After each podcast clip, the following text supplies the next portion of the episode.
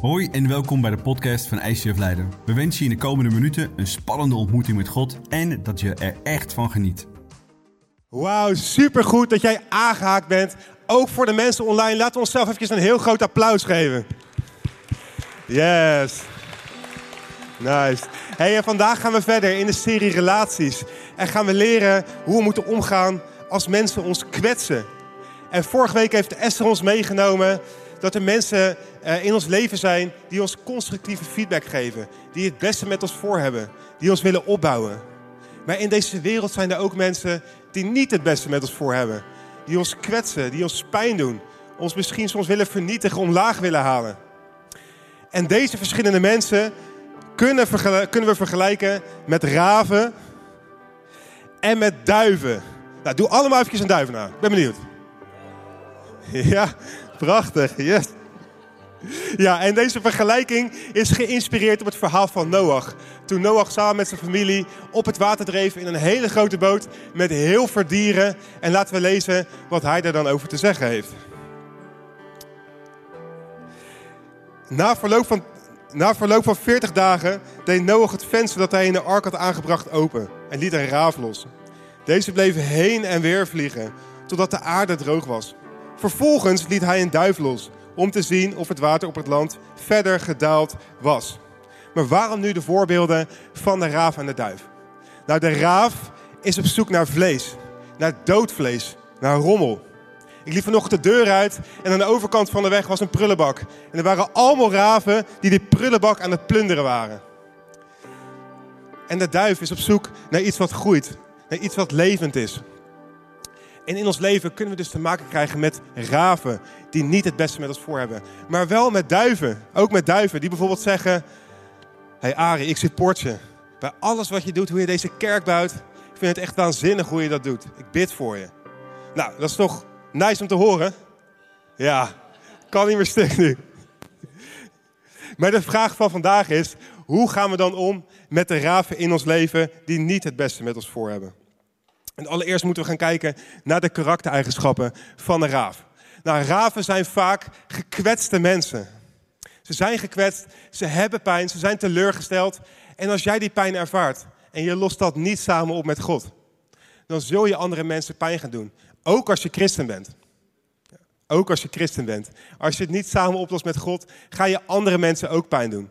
Want gekwetste mensen kwetsen mensen. En de andere karaktereigenschap is dat raven jaloers kunnen zijn. Ze kunnen simpelweg niet blij zijn voor een ander. Ze zijn jaloers op de vrienden die je hebt, de talenten die je hebt waarmee je deze kerk bouwt. Misschien het werk wat je doet, de vrienden die je hebt. En ze zullen daar alles aan doen om jou naar beneden te halen. Zodat ze zich op hetzelfde, op hetzelfde level voelen als dat jij je voelt. En raven zijn dus hele gevaarlijke mensen. Ze kunnen je op een negatieve manier beïnvloeden. En ik heb een quote meegenomen van dokter Martinus Paulus van de Universiteit van San Diego. En die zegt het volgende. Als onze geest gedurende een lange periode intens bezig is met negatieve gedachten, worden we waar we aan denken. Dus als jij denkt, ik ben niet goed genoeg, ik ben niet getalenteerd genoeg, je vergelijkt je met anderen en keer op keer haal je weer naar beneden. Langzaam maar zeker word je waar je aan denkt. Je zal in de richting gaan van die gedachten. Wat je aandacht geeft, dat groeit. Dus raven kunnen ons beïnvloeden door de woorden die ze zeggen. Dus eigenlijk moeten we niet met ze omgaan. Maar wat dan als we wel met ze te maken krijgen? Nou, dan moeten we ons bewust zijn dat we God kunnen vragen om zijn bescherming in die situaties. En we moeten ons omringen met duiven, de mensen hier in de kerk, de mensen in je smallgroep, die willen opbouwen, die je supporten, die voor je bidden.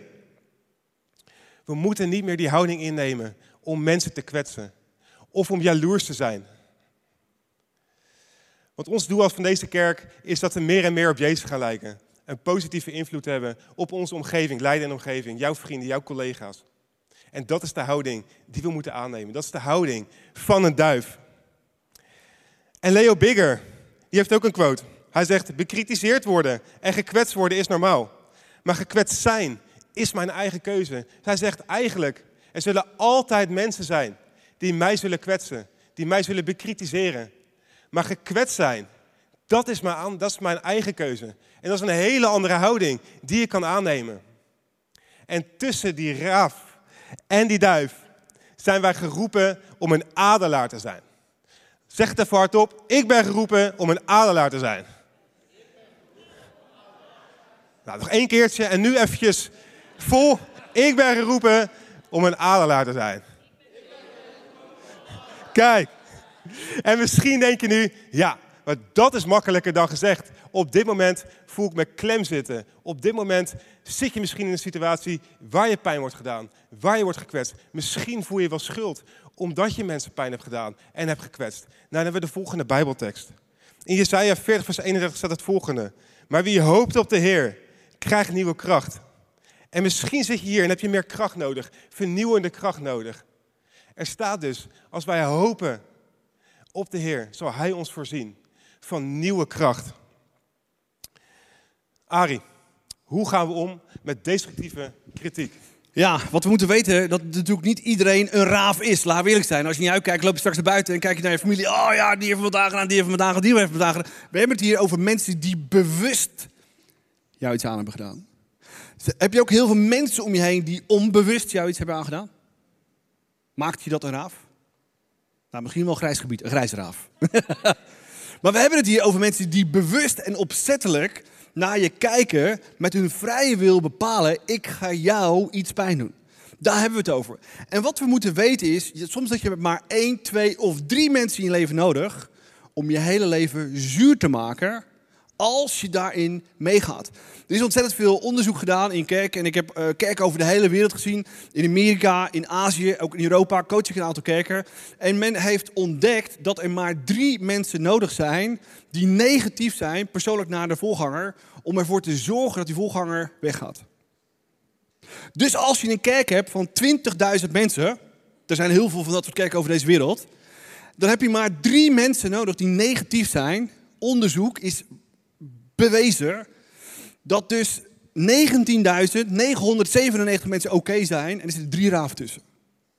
Die ervoor zorgen dat de voorganger stopt. Hun leven totaal letterlijk zwart gemaakt wordt, dat ze maar één optie zien en dat is vertrekken. En ook in jou en in mijn leven heb je soms maar één persoon nodig die jouw leven zuur maakt. En ik hoop met heel mijn hart dat je die mensen niet hebt. Maar we leven in een wereld die niet perfect is, nooit perfect zal worden. En we zelfs soms zelf ook een raaf zijn, zonder dat je het zelf doorhebt.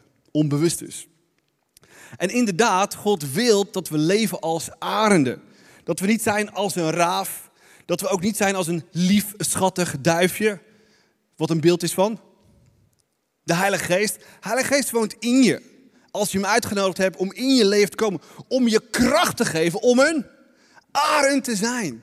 En we lezen dat in het volgende vers. Er staat, hij slaat met zijn vleugels als, uit als een adelaar. Hij loopt, maar wordt niet moe. Hij rent, maar raakt niet uitgeput. Dat is een persoon die leeft met God, die leeft met de Heilige Geest en die weet boven dit soort mensen staan. En de eerste gedachte is ook, sta boven kwade en destructieve kritiek. Wie kan dat? Wat is je eerste reactie als je negatieve, destructieve kritiek krijgt?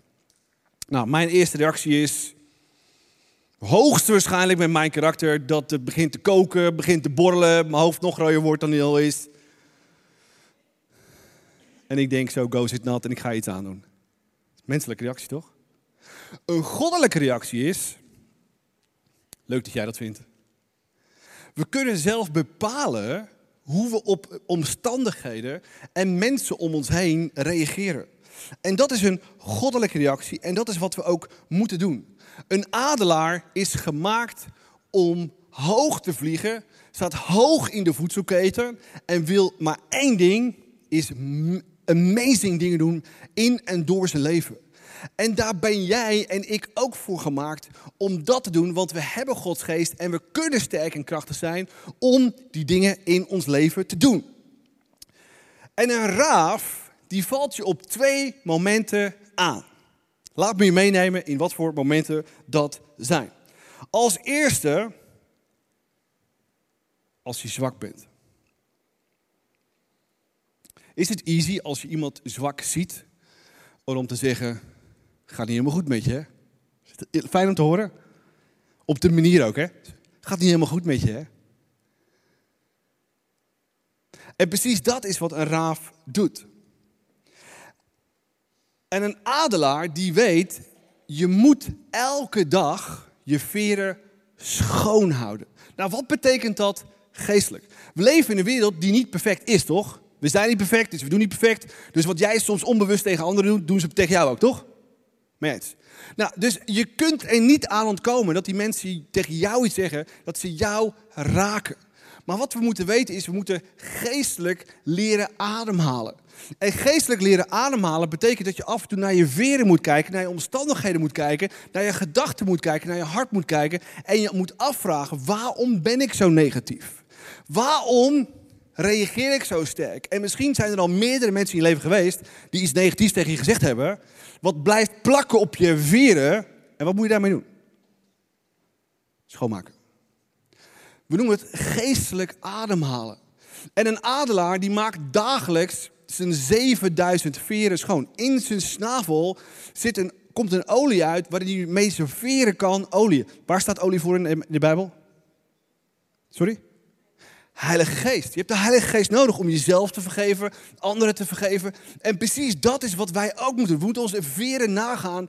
Wat is er in mijn hoofd, in mijn gevoelens, in mijn ziel blijven plakken? Omstandigheden, mensen die je schoonmaakt. Waar breng je die omstandigheden naartoe? In thin air. Iets ergens in het donkere heelal. Bij Jezus. Jezus, ik geef het aan u. Dit raakt me niet. En ik wil sterker zijn en hoger vliegen dan wie of wat dan ook. We moeten nagaan wat die veren, wat erop zit. En ervoor zorgen dat we geestelijk blijven ademhalen. En dat we die dingen kwijtraken. Uit ons hoofd, uit onze gevoelens en dus ook uit je acties vandaan, zodat je clean en schoon blijft en kunt blijven functioneren. Nou, de duivel wil maar één ding. Wat wil die? Ja, attack, kill en destroy. En voornamelijk mensen die Jezus volgen. Dus als je een beetje geestelijke weerstand hebt, praise the Lord, welcome to the club. Fantastisch, want je hoort erbij. Dat is wat erbij hoort. Maar we moeten wel alert blijven dat die dingen niet aan onze verenpak blijven plakken. En we het regelmatig schoonmaken en daar kunnen brengen waar het moet zijn. De volgende moment is waarin raaf je pakken is als je op je hoogtepunt bent. Want zelfs als je vliegt, er zijn foto's die je kunt zien online, gaat een raaf die komt van achter. Waarom van achter? Ja, een adelaar is zo scherp in zijn zicht dat je hem niet ziet en hij gaat op zijn nek zitten en begint ka, ka, ka, ka. Zo in zijn nek begint hij hem echt helemaal aan te pakken. En misschien voelt het ook wel voor sommige mensen die je zo hard aanpakken dat het zo pijn doet. Dat hij je op je hoogtepunt, als je zo hoog vliegt, dat die mensen je pakken. Misschien zijn het wel mensen die tegen je zeggen: Ik vind het niet tof dat het goed met je gaat. Omdat het bij hun misschien altijd slecht gaat.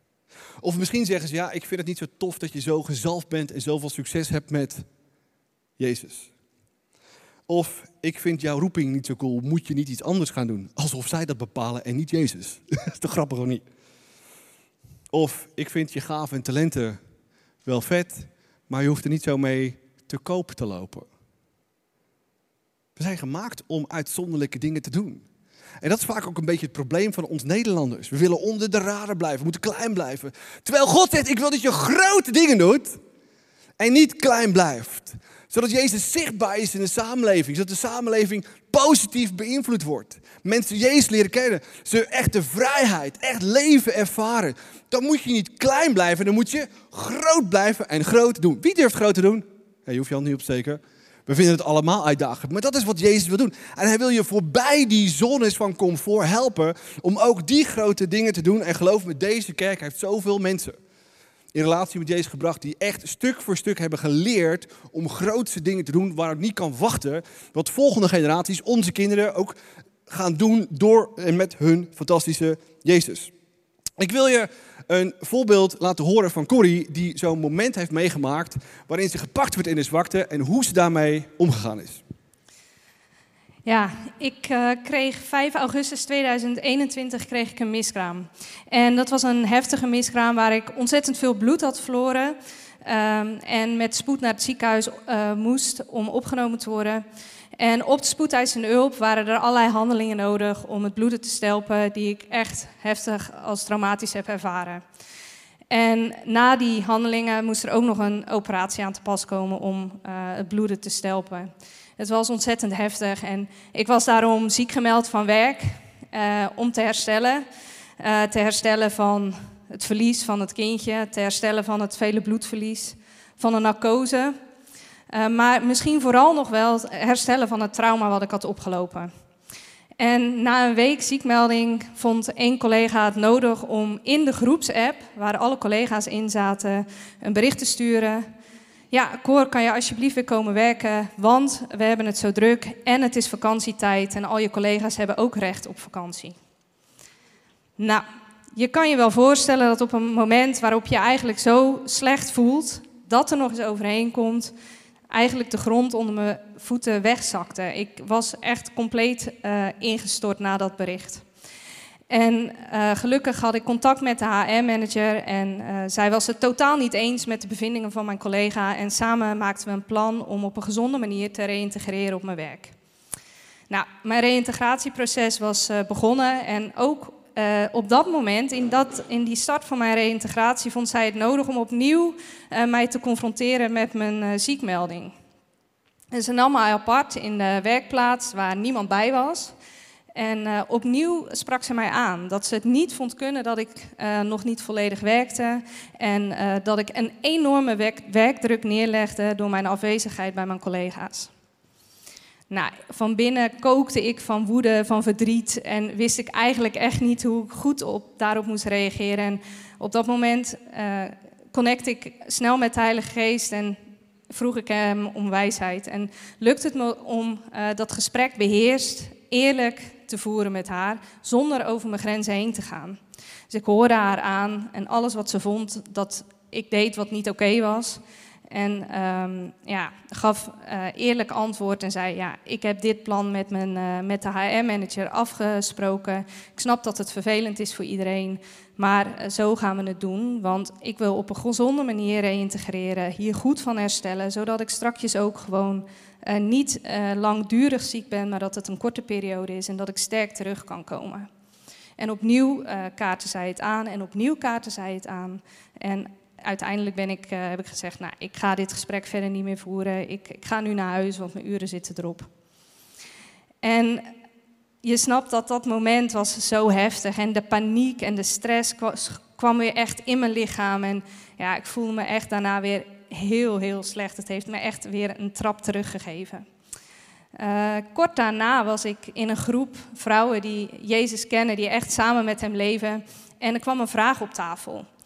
Wat in jouw leven, welke situatie of welke persoon in jouw leven moet je loslaten om verder te kunnen? Nou, vanzelfsprekend kwam natuurlijk deze persoon en deze situatie direct in mijn gedachten. En uh, vroeg ik de Heilige Geest, maar wat moet ik dan doen om dit achter me te laten? Dit is zo heftig. Haar kritiek heeft me zo geraakt tot in de kern. Ik ben zo intens boos op haar. Ik wil haar niet vergeven. En toch zei de Heilige Geest: Je moet haar vergeven. Want je kan niet door op het moment dat je dat niet doet. En gelukkig lukte het maar om in gebed haar te vergeven. En kon ik na die, dat moment wat ik met die vrouwen had, wat zo puur en zo intens was, uh, weer met haar samenwerken en met haar in één ruimte zijn.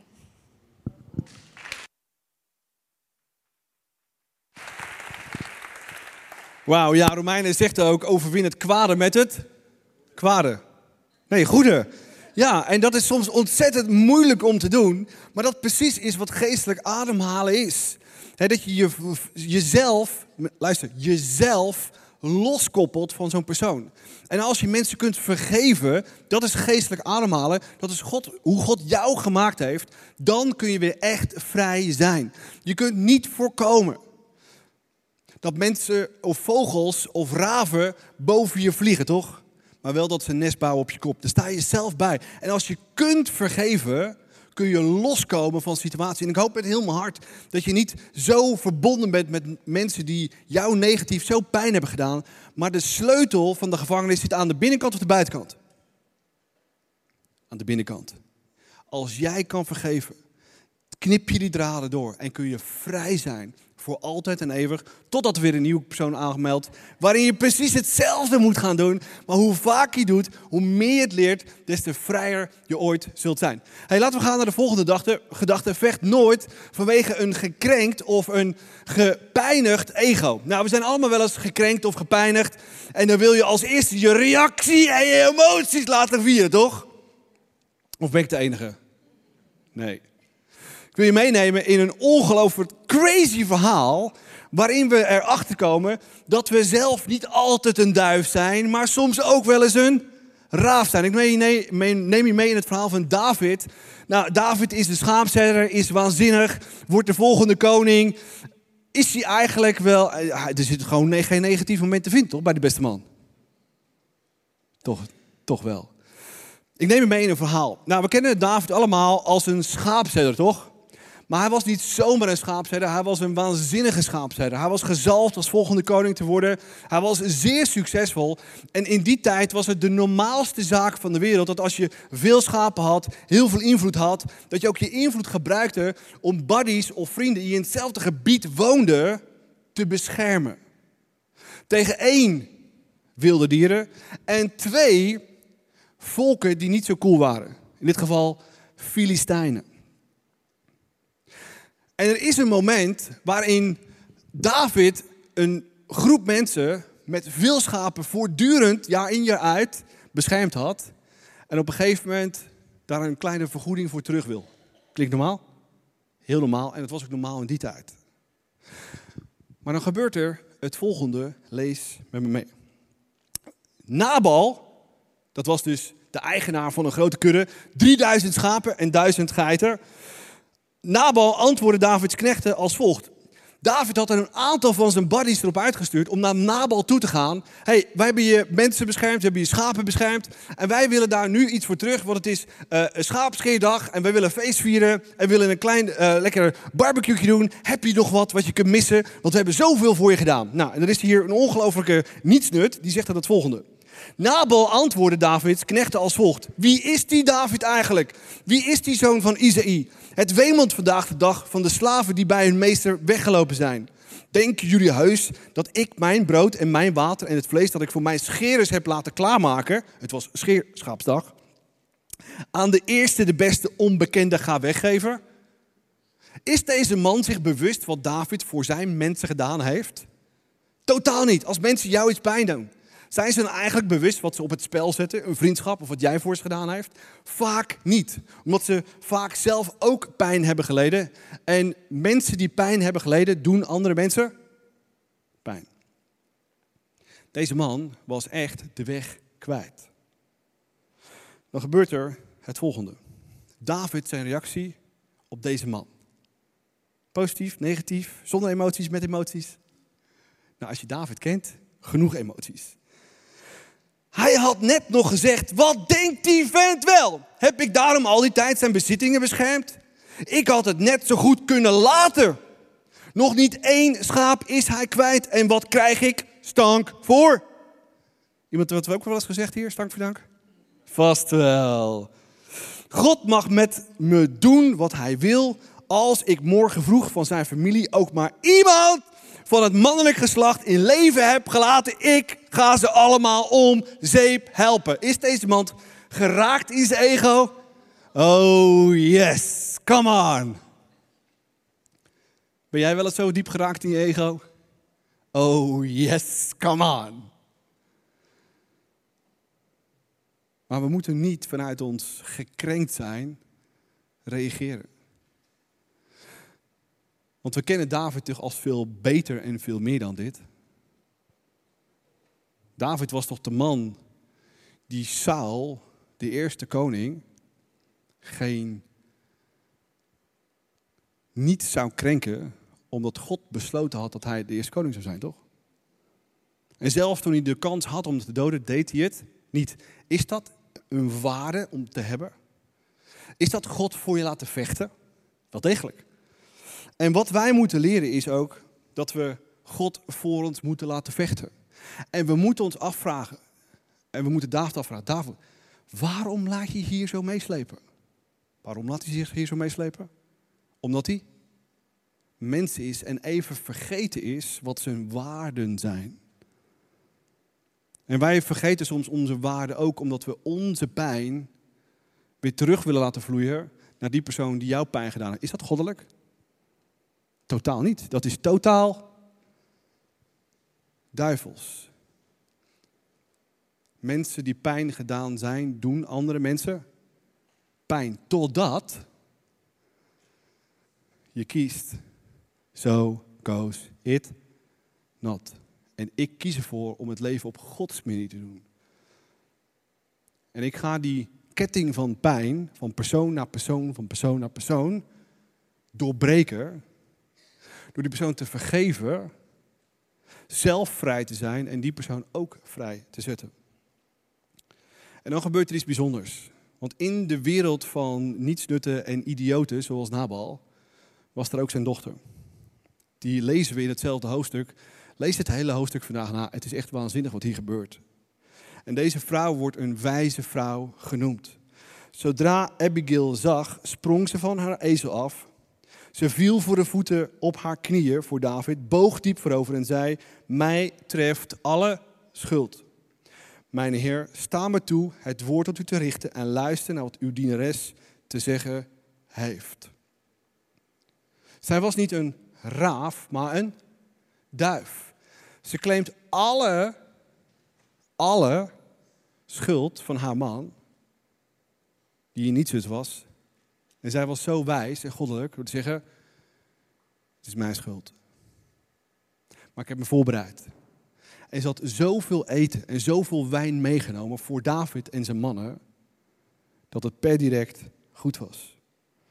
En ook wij moeten beslissingen maken dat als we situaties meemaken, in relaties, in huwelijken, op school of waar je ook bent, het niet op een rave manier op te lossen, maar op een duiven manier. En sommige mensen dat denken dat het leven van een pastor easy is. Geloof me, het leven van een pastor is buitengewoon moeilijk. Men zegt wel de moeilijkste baan ter wereld. En als ik iets heb moeten leren, is het dit wel. Alles in me neigt, natuurlijkerwijs, naar een raafreactie. Maar elke keer naar mezelf, naar mijn vrouw, naar mijn kinderen en mijn kerk kies ik Gods weg. En daarom kan ik vrij zijn, vrij blijven en blijven doen wat God door me heen wil doen. En ik hoop met heel mijn hart dat je dat ook wilt. Fijker, laat ons weten wat we nog meer wel of niet moeten doen. Ja, de volgende gedachte is: laat God voor je vechten. En misschien hou je niet van die gedachte. Wil je het liever zelf oplossen? Wil je gevechten liever zelf vechten? Maar weet dat God, de God van de Bijbel, de God van Israël, de God van jou en van mij, nog nooit een gevecht heeft verloren. En een paar jaar geleden moest ik daarin ook echt gaan vertrouwen op God. Ik zat in een situatie en ik wilde het keer op keer weer zelf oplossen. Ik moest vertrouwen dat God dat gevecht voor mij moest gaan vechten. Want ik trok eigenlijk alleen maar meer teleurstellingen aan. Meer vermoeidheid en nog meer frustraties eigenlijk.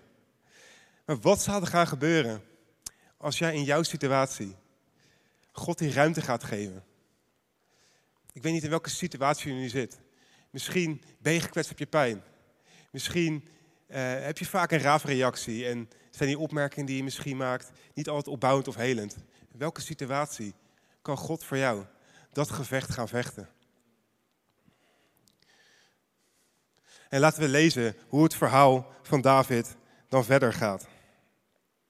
En de volgende ochtend, toen Nabal zijn roes had uitgeslapen, vertelde ze hem, aan David, wat ze had gedaan. Zijn hart bleef stilstaan in zijn borst. Hij zakte roerloos in elkaar en tien dagen later trof de heer Nabal zo zwaar dat hij bezweek. En wow, dit is een heftig bijbeltekst. Maar de Bijbeltekst is ook een voorbeeld van hoe God uh, geen gevecht verliest. Je kan vechten tegen God, maar je gaat het niet winnen. Al vecht een hele natie tegen Israël. Ze gaan dit niet winnen, want Israël hoort bij God. En wat betekent dat dan voor ons vandaag de dag?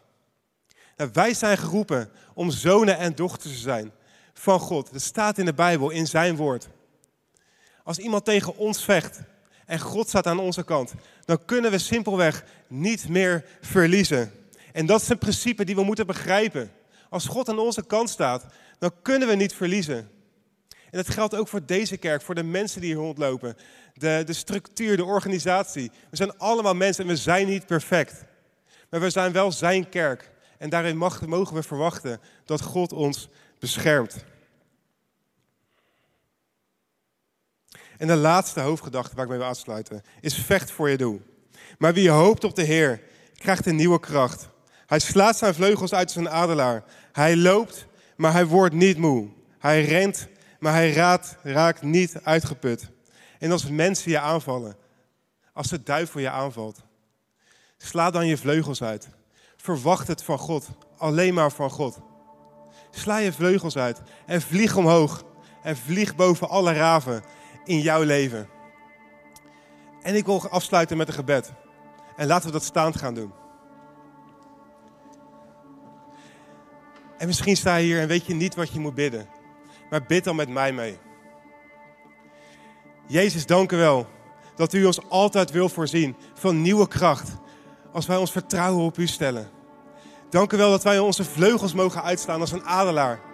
En mogen zweven boven al die raven in ons leven.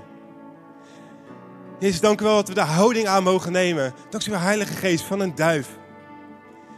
Jezus, help me te vergeven voor de mensen die mij hebben gekwetst. Die mij hebben pijn gedaan. Jezus, help me te vergeven. En laat het bij u neerleggen. En ook echt bij u achterlaten vanaf vandaag. Jezus, en vergeef me als ik de houding af en toe heb van een raaf. Als ik mensen kwets en pijn doe. Maar Jezus, transformeer mijn hart. Heilige Geest, transformeer mijn hart zoals alleen u dat kan. Vul me met liefde, met vrede. Jezus, dank u wel dat u dat voor mij wil doen. Jezus, en dank u wel dat u voor mij wil vechten. Dat u de strijd al voor mij heeft gestreden door aan het kruis te gaan voor mij. Jezus, dank u wel dat u zoveel van mij houdt. Jezus, ik verdien het niet, maar toch houdt u zo ontzettend veel van mij. Dat u dat heeft gedaan. En dank u wel voor al die helden uit de Bijbel. Ook wat we vandaag hebben gelezen. Heer, dat ze niet perfect zijn. Heer, maar dat u ze wel constant weer vergeeft. Dank u wel dat u ons ook wil vergeven en dat wij ook de mensen om ons heen mogen vergeven. Heer, dank u wel dat u een almachtig God bent. Amen. Wij hopen dat deze podcast je heeft geïnspireerd en verder geholpen heeft in je relatie met God. Wanneer deze podcast je geraakt heeft en je de inhoud ervan wilt helpen verspreiden, deel dan deze aflevering op jouw favoriete social media platform. Op deze manier horen meer mensen over Jezus en deze boodschap van hoop. Je kunt ons ook financieel ondersteunen, waardoor we een maximaal bereik krijgen op het internet en nog meer mensen nieuwe hoop krijgen. Bedankt voor alles wat jij mogelijk maakt. We geloven dat kerk een familie is, dus of je nu live erbij bent of online meeluistert, we willen jou graag persoonlijk leren kennen. Als we jou persoonlijk verder kunnen helpen, dan horen we dat graag. Check voor info en meer mogelijkheden op onze website. Fijne dag.